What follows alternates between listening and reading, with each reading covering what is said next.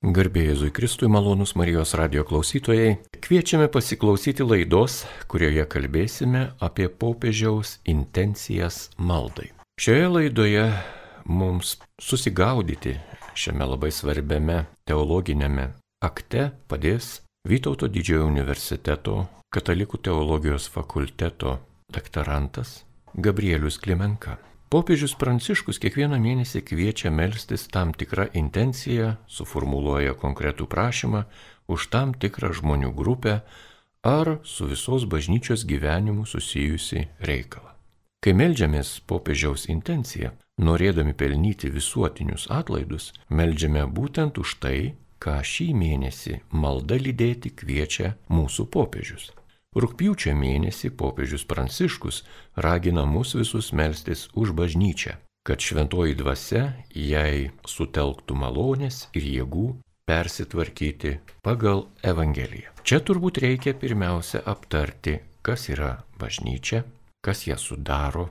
Ji tai ne tik popiežius, kardinolai, viskupai, kunigai, dekanai, monsinjorai, diakonai, seminaristai, sesės ir broliai vienuoliai. Taigi sveikinuosi su gerbiamu Vytauto didžiojo universiteto katalikų teologijos fakulteto doktorantu Gabrieliumi Klimenka. Garbė Jėzui Kristui.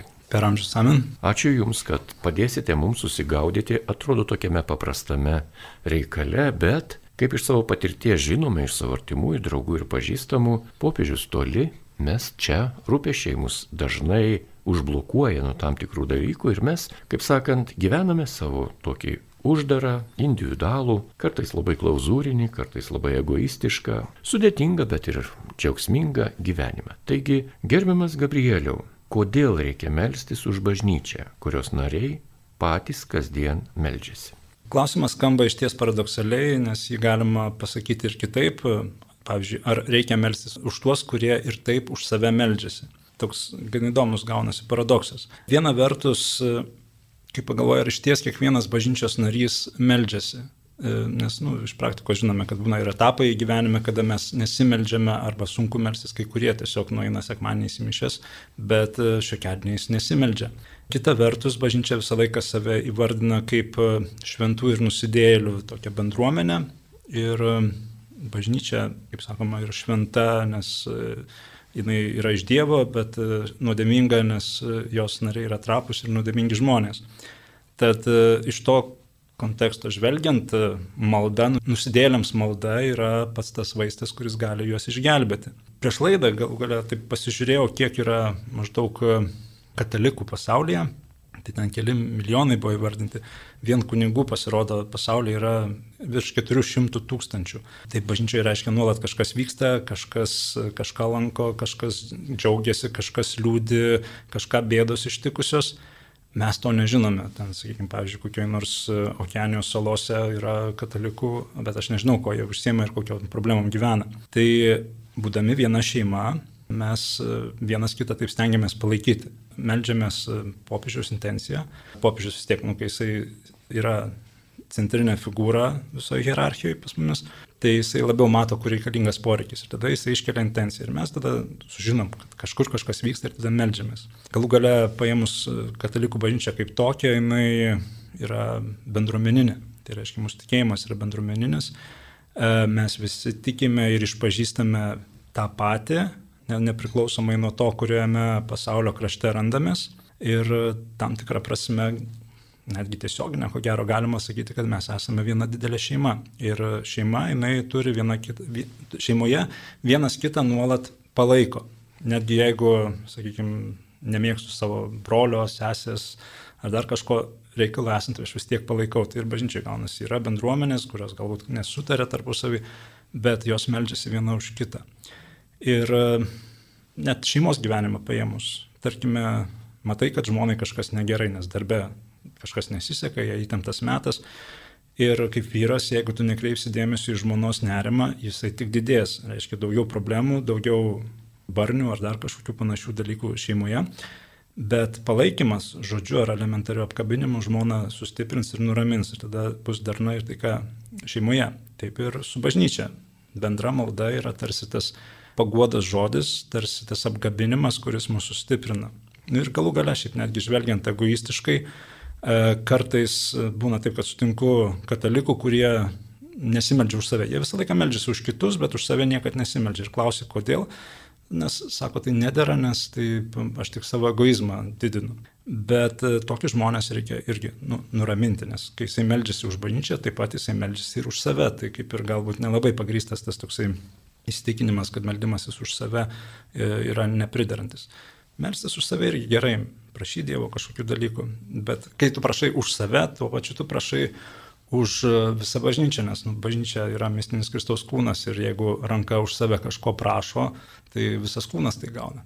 Taigi malonus Marijos radio klausytojai, jūs girdite laidą apie tai, į ką Romos katalikų bažnyčios popiežius kviečia kiekvieną katalikų bažnyčios narį, kiekvieną mėnesį vis paskelbdamas naują intenciją maldoje. Ir tikrai reikėtų turbūt grįžti prie supratimo, kas yra mūsų bažnyčia, kas ją sudaro gyvieji mirusieji, šventieji, kunigai, patarnautojai ar pasauliečiai ir kaip tą maldą ir tą kvietimą popiežiaus mes turėtume priimti.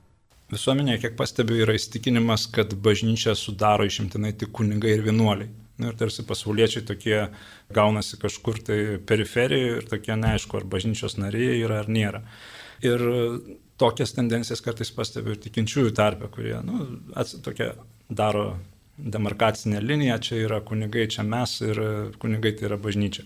Bet iš tiesų bažnyčia yra daug platesnis dalykas. Pavyzdžiui, jeigu pažvelgtumėm į katekizmą, jisai labai aiškiai pasako, kas priklauso bažnyčiai. Cituoju. Katalikų bažnyčiai pilnatviškai priklauso tas, kas yra susivienę su jie tikėjimo išpažinimo, sakramentų, bažnytinio valdymo ir bendrystės ryšiais, turėdamas Kristaus dvasę. Tai reiškia, jeigu tu esi pakrikštytas, praktikuoji sakramentus, tu esi bažnyčios narys. Čia aišku, mes galime kalbėti apie formalų priklausimą bažnyčiai, galime kalbėti apie gyvą priklausimą bažnyčiai, bet šiaip netgi tas žmogus, kuris kažkuriam savo gyvenimo etape nesilanko bažnyčiai, jis vis tiek yra bažnyčios narys. Nu, ir čia vėlgi grįžtam prie tų pačių analogijų su šeimom. Tai šeima jinai lieka netgi tada, kada vienas ten supykstant visų išeina ir gyvena atskirai, jis vis tiek yra šeimos narys, ne, nes nu, kraujas ne vanduo. Čia mūsų vienė ne, ne tai, kad žmogaus kraujas, o Kristaus kraujas. Negana to, dažnai irgi kalbant su žmonėm, tu supranti, kad jie bažnyčios sampratą labai susiaurina ir e, mato tik tais, e, nu, kaip sakykime, išorinį fasadą. Nu, tai reiškia ne pastatą, bet e, yra žmonės, kurie ateina į bažnyčią. Bet vėlgi čia yra antiek susiaurinta, nes bažnyčia, kaip žinome, irgi iš katekizmo ir iš bažnyčios mokymo, kad yra daug platesnė savoka, nes jinai net skirstoma į tris skirtingus tokius lygmenis.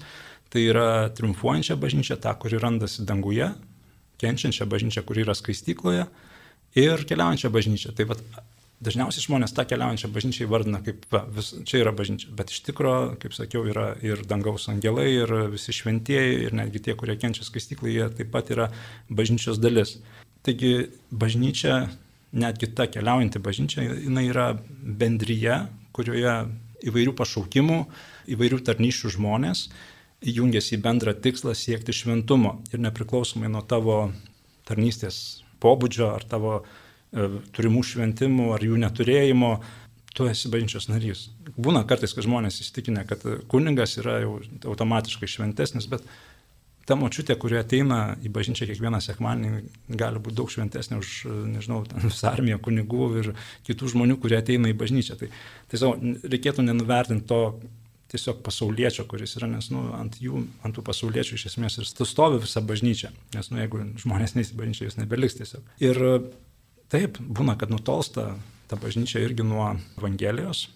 Ir yra tam tikros rytis, kur labai aiškus nutolimas. Ir čia per visus laikus, ko gero, šitas vienokiu ar kitokiu būdu pasireiškia. Ir aš įvardinčiau tris rytis tokias. Tai ko gero būtų pirmoji, tai aišku, svarbiausia, tai yra meilė artimui, arba apskritai meilė netgi. Tada gyvenimas tiesoje ir samoningumas. Dabar stebint visas tas karantino peripetijas, kas vyko žiemą, kai buvo draudžiamos mišios gyvai, e, labai matėsi, kas vyksta, ne? nes irgi jeigu taip per visus šitus tris segmentus pereiti, tai irgi mes matome, kad e, daliai žmonių meilės taiga dingo, kai mišios buvo uždrausti. Tu supranti, kad e, žmogui yra svarbesnis jo komfortas, jo, e, jo laisvas nuėmimas, nuėmimas kažkur, nei kažkieno kito sveikata. Ne? Nes jeigu žmogus piktinasi, kad viskupai nusprendė nedarytų mišių gyvai ir jisai piktinasi, kad va, aš negaliu, ir nu, tada akivaizdu, kad jisai negalvoja apie tą močiutę ar ten ar kitą asmenį, kuris atėjęs gali susirgti ir numirti.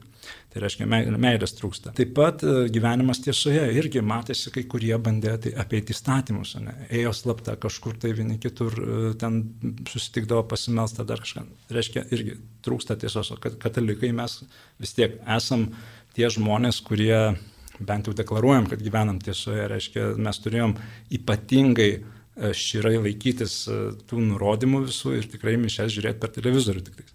Ir samoningumas, aišku, čia irgi buvo akivaizdu, kad žmonės, e, pažiūrėjau, skiepų klausimų nesigilina į bažnyčios mokymą, prisiklauso įvairių pseudomokslinių teorijų ir tada jas pristato kaip e, autentišką, pažiūrėjau, katalikišką mokymą. Tai, tai supranti, kad samoningumo trūksta. Ir dabar netgi stebint vien jau tai, kad Lietuvos visuomenė yra susiskaldžiusi ganėtinai, E, irgi tai rodo, kad trūksta meilės, ją reikėtų auginti tam, kad grįžtumėm prie Evangelijos, nes tai yra pamatas. Stebint, kiek bažnyčios nariai vienokius ar kitokius sprendimus priimdami vadovaujasi ne bažnyčios mokymu, bet pseudomoksliniam doktrinom, tai irgi supranti, kad irgi kažkur nuo tiesos kelio esam nuklydę šiek tiek.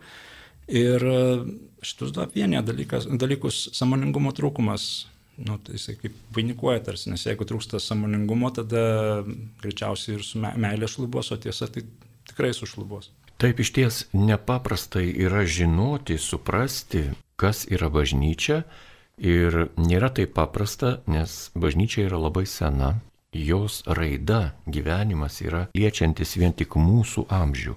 Jis yra ateinantis iš amžių gūdumos, kaip mes sakome, arba amžių šviesos ir ateina pas mus atsineša visą krūvį patyrimą, istoriją, kultūrą, supratimą, tradicijas. Ir mes įsijungiame į bažnytinį gyvenimą, esame pakrikštyti ir taip toliau.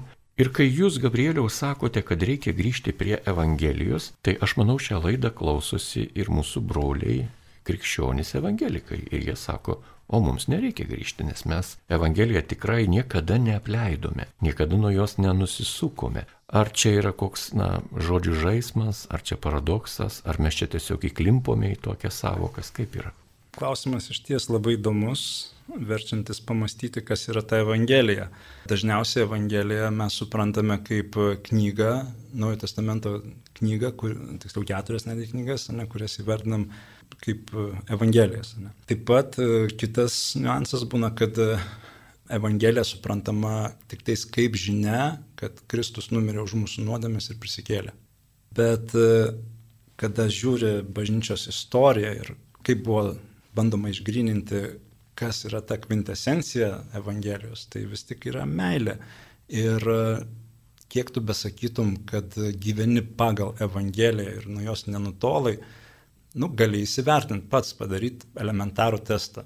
Kai būsi pavargęs troleibuse kokiam nors, eis močiutė ir užkabins tave kuprinę ir e, tavo reakcija labai aiškiai parodys, kiek tau trūksta Evangelijos. Jeigu tu ten ramiai nusišypsosi, užleisi į vietą, tai greičiausiai tos Evangelijos yra pas tave pakankamai. Jeigu bent jau minimalus erzulis vidurį kils, viduje nekils, tada reiškia šiek tiek tos Evangelijos trūksta, o jeigu jau tenai pabūti atgal vanosi, tada reiškia jos iš viso nėra. Na tai tai sakau, čia aš bent jau taip vertinčiau, ne, tas grįžimas arba buvimas Evangelijoje, tai yra buvimas meilėje, kaip Augustino ištara, kad mylėk ir daryk, ką nori. Taip, tada galime tęsti. O kokiuose srityse šiais laikais labiausiai tos Evangelijos trūksta ir kad ji būtų labiau gyvenama ta Evangelija, kad mes gyventume pagal Evangeliją, ko trūksta bažnyčiai. Tai sakykime, dvasinio sporto. Tas dvasinis sportas turėtų pasireikšti kaip kasdienis maldos ir meilės praktikavimas. Nes jeigu nu, deklaruoji meilę, labai dažnai mes mėgstam sakyti, aš čia myliu, ten myliu Somalio vaikus, ne, nes jie toli ir nereikia šalia būti. Bet e, jeigu tu nepraktikuoji meilės va čia dabar, va čia akimirką tam žmogui, kuris yra šalia tavęs, tai tas dvasinis sportas nu, nevyksta. Ir tada tada tu nutolsti nuo Evangelijos. Tai greičiausiai vienintelė sritis, kuri viską ir išspręstų, tai yra pagrindas meilė artimam, ypatingai meilė tam, kuris uh, turi kitokią nuomonę negu tu. Pavyzdžiui, Liujisas labai gerai vienoje savo knygų rašė, kad, sako, yra krikščionys, kurie e, labai didžiuojasi tuo, kad, e, pavyzdžiui, nežiūri filmų, nevaikšto kino teatrus, bet piktinasi tais, kurie tai daro. Ir bet šitas rytis ne, yra tobulinta, nu, čia nebūtinai apie kino teatrus, čia galima bet kokius dalykus įrašyti, bet išmokti mylėti kitą, kuris elgesi kitaip arba daro kitaip, netgi nu, tau nesuprantamai, sakykime, nu dabar tas tie amžini karai tarp e, tų, kurie už vakcinas ir tie, tuos, kurie prieš vakcinas. Tiek vienoje, tiek kitoje pusėje matosi, kad trūksta meilės, nes žmogus mato save ir kitą asmenį už jo kitokią nuomonę dažnai paniekina. Facebook'e pastovi stebi, diskusijos, batalijos vyksta, ten toks jausmas būtų gatvėje, tai ten su lasdom visi vaikštų. Bet, bet, bet netgi tokioje situacijoje tą dvasinį sportą, tą meilės augimą, ugdyti, jau yra, jau yra grįžimas prie Evangelijos. Ten, tai va, tai meilėje mes labiausiai ir nutolę esame. Ir būtent meilė šią akimirką, meilė, dar vienas svarbus momentas, meilėje savo esame nutolę labai. Mes labai dažnai savęs nemylime. Be abejo, sunku tada pamilti ir kitą šalia esantį, kuris gali būti visiškai kitoks nei tu, su kitokiais, na, kultūriniais supratimais, teologiniais išgyvenimais, su šeimininė patirtim, istorinė ir taip toliau, giminės patirtim pagaliau įsilavinimas be galo daug ką reiškia. Ir mes tą pajutome, kaip daug reiškia įsilavinimas, kai jis sovietinės okupacijos metu buvo priverstinis ir tam tikra buvo viena mokykla, o dabar jis nėra priverstinis ir jau darosi prabangos dalykas, bet turi įvairiausių rakursų, įvairiausių na, sakykime, lavinimosi ir išlavinimo įvairiausių mokyklų. Ir kartais tos mokyklos yra visai nekrikščioniškos. Ir negali sakyti, kad jos blogos. Na, čia toks interpas. Taigi tęsime laidą su Gabrieliumi Klimenka ir kalbame apie popiežiaus intencijas, kurias jis paruošia mums, katalikų bažnyčios nariams, kiekvieną mėnesį. Yra tam tikri žodiniai tokie susidarę tokie kaip štampai. Gyventi pagal Evangeliją, nutolta nuo Evangelijos ir taip toliau ir taip toliau. O iš tikrųjų, ką reiškia gyventi pagal Evangeliją? Tai ko gero, tai ką anksčiau ir aptarėme, ir būtų tas gyvenimas pagal Evangeliją, nes e, jeigu tu gyveni pagal Evangeliją, reiškia, tu myli. Ir e, šiaip čia, aišku, mano paties tokia išvalga, galbūt, kuri, kurią kiti teologai ir e, sudirbtų kaip ne visai kaip ortodoksalė, taip sakykime, bet e, gyventi pagal Evangeliją, sakyčiau, yra visų pirma mylėti save. Ir kodėl aš tą sakau, nes labai dažnai žmonės, e, žmonėms sunku save mylėti. Ne? Ir e, yra toks mylėti save, savo artimą ir Dievą. Ne? Dažniausiai žmonės e, skelbia, kad myli Dievą, bet matai, kad jo aplinkoje tos meilės trūksta. Jis pykstasi su artimaisiais, su bendrameniokais, su bendradarbiais, tačiau Dievas sakosi mylys.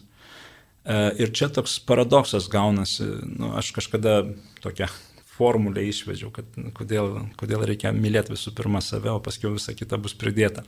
Tai teisingas meilės santykis kaip ir reikalauja mylėti save, nes didysis įsakymas, taip sako, antroji dalis, ne, jo, sako, mylėk savo artimą kaip save patį. Tad e, jeigu nemyli savęs, tu negali mylėti savo artimo, nes tu nežinai, kaip tą daryti elementariai. O jeigu mylėsi jį, tai mylėsi kažkokią nu, netokią meilę, nes nu, nežinai, kaip jinai atrodo.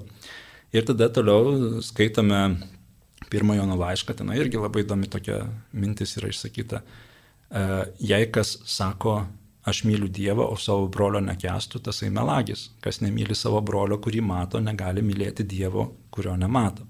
Tai tokia aritmetika gaunasi, kad e, jeigu myli save, tada gali mylėti artimą ir tik jau po to Dievą. Na nu, taip, suprantu, stebuklų būna, kartais žmogus savęs gali nekest, bet Dievą mylėti tą tyrą meilę, Bet nu, tai stebuklo ligmens įvykis, nes jeigu tu savęs nemylėsi, to pamato, jeigu nėra pamato, nu, tai visa kita yra blogai. Čia irgi, bet kokį, ar sportą paimkim, ar muziką, tu pradžioj turi išmokti groti gamą, tai čia ta gama būtų tu pats. Ir tada jau Mozartą groti, ar ten, nežinau, kovos menuose kokiuose tenai, nežinau, įringai, tai o ne tada jau po daug metų. Tai va, tai save pamilęs tu nu, gali jau startuoti ir ugdytis tas dvasinės darybės, kurios leistų visą kitą mylėti. Tai žodžiu, jeigu žmogus pamiltų save, jeigu išmoktų mylėti tą tyrą meilę save, ne egoistinę, ne kažkokią narcisistinę, bet būtent tyrą meilę, tokią, kokią Dievas mums dovanoja, tada jis be vargo galėtų gyventi evangelinį savo pašaukimą ir nu, iš viso nenutoltų nuo Evangelijos. Besiklausydamas jūsų, Gabrieliau, aš tiesiog akimirkai pagalvojau. Mes užduodame klausimą, ką reiškia gyventi pagal Evangeliją ir tikrai kalbame iš tos pozicijos. Ir jūsų pasakojimas tikrai yra nuostabus, puikus. Bet jeigu pažiūrėti kitų rakursų ir užduotume klausimą, ką reiškia negyventi pagal Evangeliją. Ir tada reikėtų sakyti, negyventi pagal Evangeliją, tai nemylėti savęs, nepriimti kito žmogaus, nežiūrėti, kas ten buvo parašyta tuose Evangelijose ir taip toliau. Ir tada kyla klausimas, absurdiškai atrodo, to neįmanoma daryti esant krikščionių. Tai paradoksas yra tame, kad mes būdami krikščionys vis nežinome, ką reiškia gyventi pagal Evangeliją, bet puikiai žinome, ką reiškia negyventi pagal Evangeliją. Taip ar ne? Tai neikti visą laiką yra paprasčiau negu teikti. Ir čia visa, visų diskusijų yra, kaip sakant, esminis kertinis akmuo toksai. Nes tu, tu paneigti bet ką gali, bet vat, įrodyti kažką yra sudėtingiau. Ir ten, sakykime, čia to visi pseudomokslai vadovaujasi. Jie sako, va, ten nu, arba ten ateizmas, geriau koks nors paprastesnis pavyzdys, sako, Dievo nėra, ne, ta prasme, tai, tai taip, įrodyti, kad Dievo nėra, yra daug paprasčiau, įrodyti, kad jis yra, yra sudėtingiau ir čia mes turime įrodinėti tada krikščionis, kad jis yra. Tai su tam gyvent pagal Evangeliją irgi. Kristus pasakė, ne, jumis atpažins pagal ką, pagal tai, kaip vienas kitą mylite. Nu, ir jeigu mes nesugebame to vienintelio pagrindinio įrodymo padaryti, reiškia, nu, mes nesugebame įrodyti ir tada pasakyti, nu palaukit, žiūrėk, meilė nėra tai, meilė nėra tai, nu tai yra be galo lengva nepadaryti. O vat imti savo gyvenimu, ten juodų darbų ir ten net per sukastus dantis įrodyti, kad tu myli kitą ir myli save ir myli Dievą, nu, tai yra, nu, ką žinau, čia žygdarbis vertas, nežinau, kokio nors apaliojo staro riterių e, išventinimų ir panašiai. Bet vėlgi paradoksalu. Kai kalbame apie Dievą ir sakome, kad sunku Dievą įrodyti, tai paradoksas. Įrodyti tai, kas yra, yra sunku, paneigti tai, kas yra, yra lengva. Taip? Taip, pritariu šitam. Tai paradoksas. Tai visas tikėjimas yra vienas didelis paradoksas iš tiesų. Čia, ne, nesakykime, taip, tikėjimas yra daugiau negu paradoksas. Uh, nu, vadovaujantis Chestertonu, tai yra paradoksas. Ir tai, nu, tas paradoksas, tai čia mes gyvename nuostabiam pasaulyje, ne, kuris mes pripratę prie jo, kaip, kad jisai nu, yra va, tokia tvarka, bet, nu, bet jisai visas paradoksalus yra. Ir ten, jie, to paties Jėzaus, ne, ištaros visos, nu, ten, nu, ne visos, bet didelė dalis. Mylėk savo priešą kas čia, nu, čia paradoksas, reiškia, nu, priešą tu negali mylėti, ta priešas, nu, mes gal dabar, dabartinė mūsų karta nežino to karo, ne, kaip jisai atrodytų. Gabrieliu, aš šitoje vietoje pasiginčyčiau. Atsiranda patologinių iškrypelių, kurie mėgsta e. mylėti savo priešus. Taip, yra to, bet e, Jėzus irgi nekalba apie, žiūrėkit, patologiškai mylėti. Jisai kalba apie tyrą meilę, kuri yra neturi vat, ar ten patologijos, ar ten egoizmo kažkokio, ar iškreiptumo. Nes va tą irgi, kaip pasakau, Augustino ištara, ne, kad mylėk ir daryk, ką nori, sako, tai aš čia galiu, ką myliu, einu ir daužau visus į kairę, dešinę, vagiu ir taip toliau. Ne, tu, tu kaip ir gali tą daryti, bet jeigu tu myli iš tikrųjų, tu to nedarysi elementariai, tau net galva nešos greičiausiai. Tai su tais paradoksais tikėjimu irgi yra.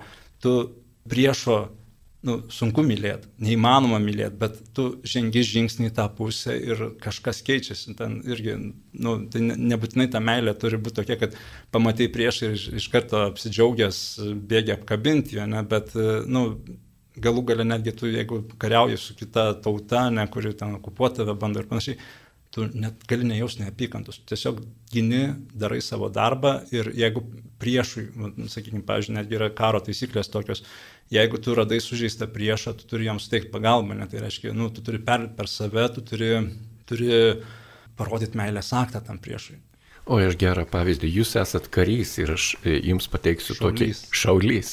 Taip, tai vis tiek yra tokia karinė struktūra, kaip ten bebūtų, susijęs su karo menu. Taigi mes turime Lietuvos istorijoje tokius du gražius pavyzdžius. Tai vienas iš jų yra, sakau, gražius, e, galbūt nelabai tinkamas žodis. Vienas iš jų yra kovose su Lenkais. Lietuviai, berots prie Gedraičių, laimėjo tokią ypatingą kovą, kurios Pasiekmė aš nekalbėsiu nei kur, nei kaip, nei ką, bet patį faktą, kad Lenkai ten buvo nuginkluoti, lietuviai paėmė tą įtvirtinimo svarbę vietą ir kadangi Lenkai jau tą kovą pralaimėjo, iš jų buvo atimti mundieriai, apranga, drabužiai, palikti jie su apatiniais rūbais ir jie buvo paleisti, bet nei vienas nenužudytas, nenukankintas, ne kaip nors ten pažemintas, išniekintas ar kažkaip, bet tiesiog va, jūs pralaimėjote šitą kovą, mes iš jūsų atėmėme jūsų ženklus, jūs jau esate nebe kariai ir eikite namo pas savo žmonas. Tai vienas pavyzdys. Ir kitas pavyzdys karo, arba kaip sakome, mylėk savo priešus, tai yra prie telšių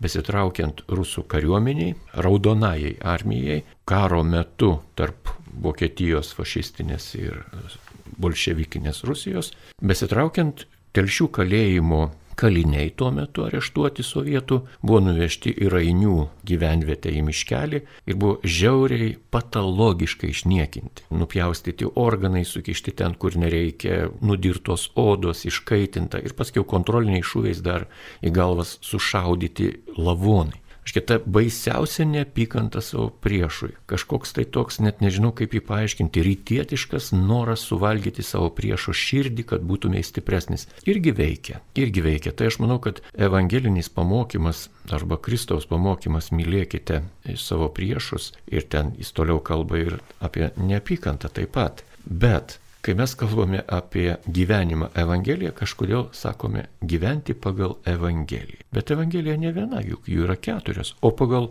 apaštalo Pauliaus laiškus jau nebereikia gyventi, kaip čia yra. Tai Evangelija, kaip ir sakiau pradžioje, tai tiesa labai dėkui už gerus pavyzdžius, labai, labai stiprus pavyzdžiai. Bet kalbant apie patį terminą, tai taip, jeigu mes suprantam tiesiog, tiesiogiai, kad vat, Evangelija tai reiškia pagal tas keturias knygas, tada, tada, tada taip, nu, Pauliaus, čia galim viso eiti vėlgi paradoksą, nes Paulius, kaip pasakė, kad net jeigu angelas paskelbtų kitą Evangeliją negu aš skelbiu, tai netikėkite, ne, tai gautųsi, kad, nu, Pauliaus Evangeliją turim tikėti, nes visos Evangelijos vėliau buvo parašytos, ne? tai toks, nu, čia žodžių žaismai, žaismai gaunasi. Bet kai tu supranti, kad Evangelija, ta geroji naujiena, geroji žinia, e, nėra tik tais, va, tai, kas parašyta, bet tai yra daug platesnis kontekstas, kaip ir bažnyčia, ne, kad nėra tik tais pastatas ar ten žmonės, kur susirenka, tai yra ir visa dangaus kariauna ir taip toliau. Tai, tai ta Evangelija pati jinai, turi kvintesenciją, bet, kaip sako, dabar neatsimenu tiksliai autorius šitų žodžių, bet kaip jis pasakė, žodžiu, švento rašto yra visas pagrindas - mylėk viešpati Dievą visą širdimi suproto visomis jėgomis, o savo artimą kaip save patį, o va ta knyga yra paaiškinimas, kaip tą daryti. Tai žodžiu, tai va, vėl grįžtam prie tos pačios kvintesencijos - meilė, o čia turim taisyklės ir tada, kaip sakom, mes gyvenam pagal Evangeliją, tai tada mes gyvename pagal meilę ir va turim taisyklių. Bet šiaip įdomu irgi tai, kad mes galim sakyti, aš gyvenu Evangeliją tada arba Evangelijoje, tai irgi galima tam tikrų niuansų atrasti, nes kai tu gyveni Evangeliją, tu gyveni kažkuo, kaip or, ne, ne, nekvepuoji pagal orą, ne, tu kvepuoji oru. Tai Evangelija irgi, tu turi kvepuoti Evangeliją, gyventi ją, jeigu Evangelijoje, tai irgi gyvenu žemėje. Nu, ne, ne kažkur tai, bet žemėje, tai Evangelija. Puikus, puikus pavyzdys apie orą, kai kalbate, mes tikrai kvepuojame orų. Taip tikrai. Taigi, tęsime laidą ir norisi klausti, jeigu gyventi pagal Evangeliją, ką reikia pertvarkyti? Tai ne tik struktūras, postus, pareigas, ką reikia padaryti? Šitoje srityje aš ko gero atsiremčiau į bažnyčios raginimą, kas, į kasdienį atsivertimą. Nes, nu, dažniausiai žmonės taip įsivaizduoja, kad vat, atsiverčiau kažkada prieš dešimt metų, patikėjau Jėzum ir viskas, ir daugiau atnaujinti nereikia. Bet čia vėlgi grįžtant prie to paties dvasinio sporto, tai yra, nu, tu nori būti sportininkas, nori pasiekti rezultatų, turi e, nuolat kiekvieną dieną tą daryti. Reiškia, mes e, turime kiekvieną dieną save reformuoti, kasdien save pertvarkyti. Ir e, jeigu tu to nedarai, tu stovi vietoj, o kai stovi vietoj, nu, jeigu apie vandenį kalbant, kokį tai jisai pradeda gesti, ne vanduo stovintis, e, žmogus, kada jisai nejuda pirmin, nu, taip jau yra, kad jis pradeda deevoliucionuoti, taip sakykime, ten grįžta atgal kažkur. Tai. Ir e, tie struktūriniai atsimainimai visokie, jie irgi yra svarbus, bet nemanau, kad jie svarbiausi šiaip netgi popiežiaus intencijoje ne, šio mėnesio irgi atsispindi, kad ne apie struktūras jisai kalba, jisai kalba apie vidinį savęs pertvarkymą pagal Evangeliją. Ir tas pats persitvarkymas irgi yra taip tarsi kompasas, ne, kuris mums parodo, ar mes teisinga kryptim judam. Kas keliavę žygiuose, ypatingai jeigu kaip navigatorius, ne žygio buvo jisai žino, kad tu turi kas tam tikrą atstumą, ten priklauso nuo landšafto, bet kartais būna, kas, kas šimtą metrų turi sustoti ir žiūrėti kompaso parodymus, lyginti jį su žemėlapiu. Tai irgi tas perstvarkymas mūsų, jisai gali būti vienais etapais ilgesnį laiką, gal to kompaso man nereikės, kad pasižiūrėt, ar nenuklydau nuo, nuo krypties kartais gali būti, kad kas žingsnį reikės tikrintis, nes gal tamsu aplinkui ir ten tamsioji naktis ištikus ir panašiai.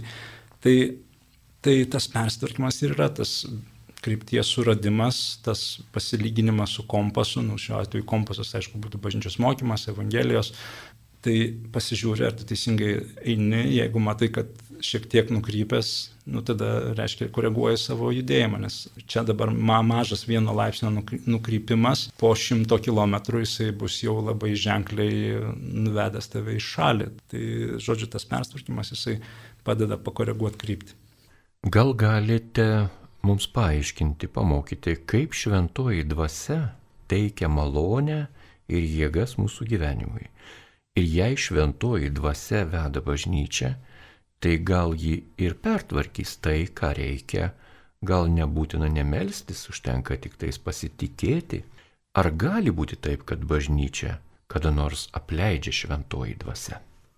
Nemanau, kad šventoji dvasia apleidžia bažnyčią, ko gero tai net neįmanoma būtų. Tačiau nebejoju, kad esama bendruomenių bažnyčios ribose, kurios geba neįsileisti šventosios dvasios. Ir čia man patiko kažkada vienas pamokslas girdėtas, kur kuningas sako, yra e, prieškimo knygoje rašoma, kad e, Jėzus, nesako, stoviu už durų laukdamas, kol tu atidarysi. Ir sako, bėda viena, kad duris yra su viena rankina, kuri yra iš tavo pusės. Ir Jėzus ten nespirstų durų įsiveršti į vidų, tu turi pats atidaryti tas duris. Ir čia mes susidurime irgi vėlgi su paradoksu, ne, kad žmonės labai dažnai prašo Dievo, atsiūs šventai dvasia, perkeisk mano gyvenimą, bet e, patys nežengia jokio žingsnio. Jie nu netidaro tų durų. Ir, e, ir taip gaunasi, kad mes laukiam kažkokios Dievo malonės, laukiame, kad Jisai ateis ir taip šast ir viskas stebuklingai sutvarkys, bet patys nepajudinam piršto. Ne? Dievas jau faktiškai padeda tą malonę šalia, tau tai reikia paimti išties ranką pasimti, tu vis tiek neimi. Tai kartais gaunasi taip, kad bažnyčioje atsiranda žmonių, kurie gyvena į tie riteriai iš legendų apie šventąjį gralį, kuriems procesas, pats paieškos procesas, kad suras šventąjį gralį, yra svarbesnis negu jo radimas. Ir taip ir gaunasi, ne, kad žmogus daug prašo, daug meldžiasi, bet pats nieko nepadaro. Ir čia vėlgi mes tada susidurėm vėlgi su tokiu įdomiu reiškiniu bažnyčiai, kad, pavyzdžiui, jeigu žmogus tikisi, kad Dievas viską už jį padarys, ne, ir, pavyzdžiui, važiuoja žmogus skaityti mokymus, tinkiai, sakai, vat, ar, nu, kaip ten sekasi ruošti, sako, tai aš nesiuošiau, nes aš pasikliauju Dievo malonę ir, važinau, kai atsistosiu, man šventoji dvasia pakuždės, ką sakyti. Žmogus nesiuošia, tai pasikliauju Dievo malonę gerai, kėtis, kad šventoji dvasia irgi per tave kalbės, irgi, taip sakykime, gerai ir netgi skamba labai išdidžiai, bet e, žmogus nesiuošia ir čia labai dažnai būna, kad nepaeina šitas dalykas, na, jisai žmogus tiesiog, e, na, nu, yra toks jaunimo žodis naudojamas, feilina, ne. Ir e, taip, aš suprantu, pasimeldimas, ten žmogus meldėsi, viskas tvarkoja, tai yra, yra tam, tikra, tam tikras būdas pasiruošti, bet čia kaip ir apie karą kalbėjome, ne, dažniausiai yra tai, kad yra tam tikri dvasiniai ginklai. Tam tikri ginklai, kurie mums padeda skelbti Evangeliją ir malda yra tik vienas iš tų ginklų. Ir klausimas, kurį tu ginklą pasirinksi.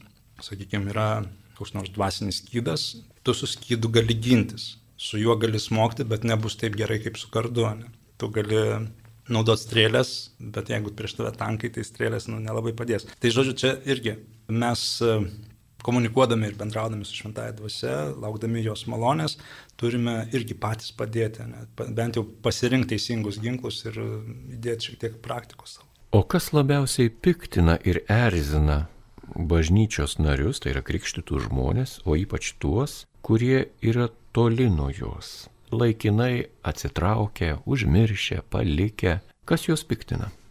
Maničiau, didžiausias pasipiktinimo momentas yra tada, kada bažnyčios nariai skelbia kažkuo, kuo patys negyvena. Sakykime, jeigu kažkas postringauja apie meilę artimui, tačiau pats gyvena taip, lyg tos meilės nebūtų, nu iš karto kyla visiems kognityvinis disonansas. Ne? Čia bažnyčios ribose dar žmonės, nu gerai, ten žinom šitą pamokslininką, žinome šitą krikščionį, taip jis turi bėdų, galim pateisinti, nu, nu, savas kažkaip už bažnyčios ribų, kurie yra, tai, nu, jiems jie, virtuvės mūsų nežino ir tada gaunasi, kad E, daug pasipiktinimo, kuris, aišku, tas pasipiktinimas dar hiperbolizuotas būna.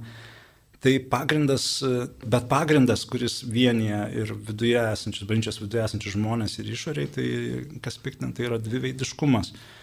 Ir taip, kai pasižiūrėjo ne Jėzus, irgi ištara, sako, jei taip sakykite taip, jei ne, tai ne, nes visa kita yra iš šetono.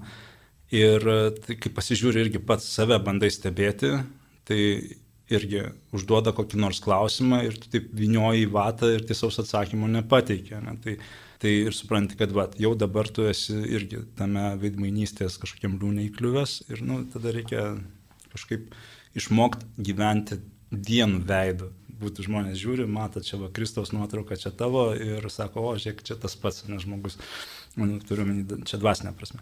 Na, nu, tai tas dviveidiškumas, jisai ir pakerta ir čia, ko gero, vienas tokių didžiausių šio laikmečio iššūkių, kaip, kad jo išvengti. Turėtume turbūt omenyje dar ir tai, kad tas dviveidiškumas, ta veidmainystė, jinai turi laipsnius. Jeigu veidmainiauja, sakykime, mažiausias šeimos narys, na, vaikelis, tai pasiekmes yra vienokios, bet jeigu veidmainiauja tėvas ir motina, tai tada pasiekmes yra kraupios ir tas laipsnis yra tikrai labai svarbus. Taip, taip, čia, taip, su šitu tai visiškai sutinku, nes kai tu esi pilka pelytė bažnyčioje, tavęs niekas nemato, ten tik draugai artimieji, ten gal net parapijoje niekas nema, nepastebi, kad tu ten atėjai bažnyčią, tu ten vaidmainiauji, nu, visi matę esam tokių, kurie labai tokie šventi būna ten, bet, na, nu, žodžiu, ten labai pamaldžiai atrodo, bet ten jeigu kažkas užlindo komunijos prieš jį, tai jau iš karto su koviniu rožančiu per galvą duodami. Tai, tokie žmonės, nu taip, tai yra, jie paprasti, tu jį pamatai, gal taip, nu, nusišypsoja atlaidžiai ir tiek. Bet kai žmogui daug duota, ypatingai jeigu yra duota valdžios, galios tam tikros, ne, tada jau labai labai atsargiai reikia vertinti kiekvieną savo žingsnį. Dabar, nu, politikus stebėkime, ne? Politikas. Buvo jisai niekam nežinomas, darė, ką norėjo, dabar va, tik tapo jau Simūnu viskas. Kiekvieną žingsnį filtruoja, ten spauda rašo, ten, va, va jis nusišypsojo tai moteriškiai, ne, nors ten dar kažką. Tai aš nesakau, e, kuo tu aukščiau, aukščiau esi, taip, tuo, tuo tavo atsakomybė didesnė ir netgi tai, kas atleistina paprastam karyvukui, sakykim taip, tai generolai gali būti jau ten ir, ir karo tribunolas laukti tam tikrus dalykus.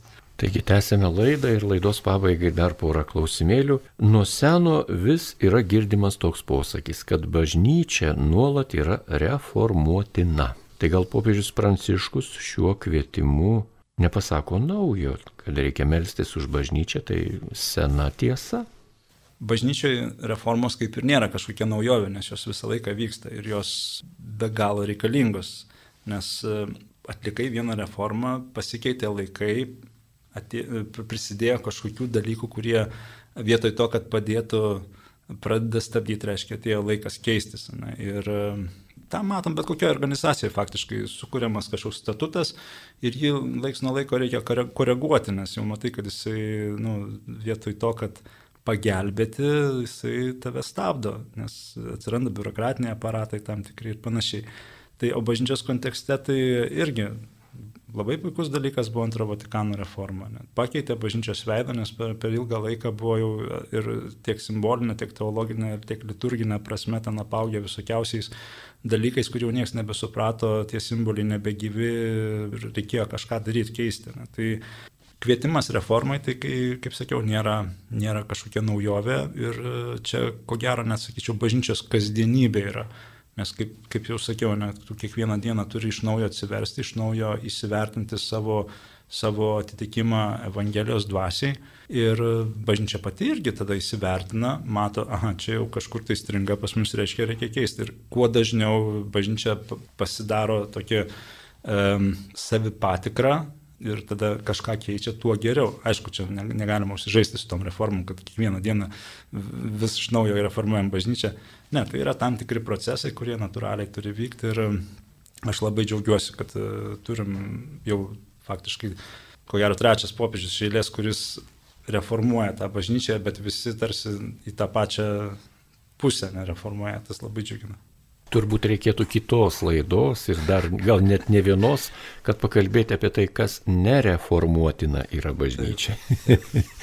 Be galo didelis laukas, turbūt, kad visko net ir neaptartume. Čia tas posakis toks, papasakok, kas tai yra simfonija. Kam pasakoti, nueik pasiklausyk ir suprasi. Taip, yra lengviau kartais suprasti gyvenant tuo, nei paaiškinti visus ten tuos kampelius ir nurodyti ką kitą. Biurokratėjame, be abejo, mes norime išsiaiškinti ir paaiškinti absoliučiai visko, ką suprantame ir ko nesuprantame, bet tikrai bažnyčioje atsiranda mokytojų, kunigų ir pasauliečių, kurie vis dažniau kreipia dėmesį ir sako, galbūt ne viską reikia išanalizuoti, ne viską reikia išpreparuoti, ne viską reikia ištyrinėti, ne viską reikia išviešinti. Bažnyčia turi savo tam tikrą slėpinį, tas slėpinys yra ne vienas, atlaikė įvairius išbandymus ir atlaikys ir pastarųjų dienų. Na ir laidos pabaigai, į ką reikėtų atkreipti dėmesį arba ką palinkėtumėte tiems žmonėms, kurie yra pagauti šventosios dvasios vedimų ir meldžiasi popiežiaus intencijomis kiekvieną mėnesį, o ypatingai šį mėnesį, kai popiežius kviečia melstis už bažnyčią. Aš atsiremsiu šio mėnesio popiežiaus intenciją ir palinkėčiau mūsų klausytojams atsiliepti raginimu įsivertinti, kas esu, kuo gyvenu ir kiek nukrypau nuo kurso. Ir iš ties raginu kiekvieną peržvelgti savo gyvenimą ir jeigu matom, kad kažkas kliūna, kažkas netaip, nebijoti taisytis. Ne, čia, tas nebijoti tai yra ir kad nebijoti pripažinti tiesos, gyventi tiesos dvasiui, nes mm, kaip buvo toks personažas, daktaras Hausas, ne, kuris sakė, visi žmonės meluoja ir dažniausiai meluoja savo. Tai tame yra racijos, nes mes dažnai bandom nu, patys nuo savęs nuslėpti kažkokius, e, kažkokias savo įdas, e, savo netobulumą ir prie, patys prieš save atrodyti šventesni. Tai raginu atsiliepti šitą popiežiaus šio mėnesio intencija ir keisti savo gyvenimą, keisti nuo šios akimirkos, ne, kažkada ateityje planuoti padaryti. Malonus Marijos radio klausytojai, jūs girdėjote laidą, kurioje apie popiežiaus intenciją, kiekvieno mėnesio intenciją ir visuotinę katalikų bažnyčią pasakojo jums Vytauto didžiojo universiteto katalikų teologijos fakulteto doktorantas Gabrielius Klimenka. Jam klausimus uždavė Liutauras Serapinas. Likite su Marijos radiju.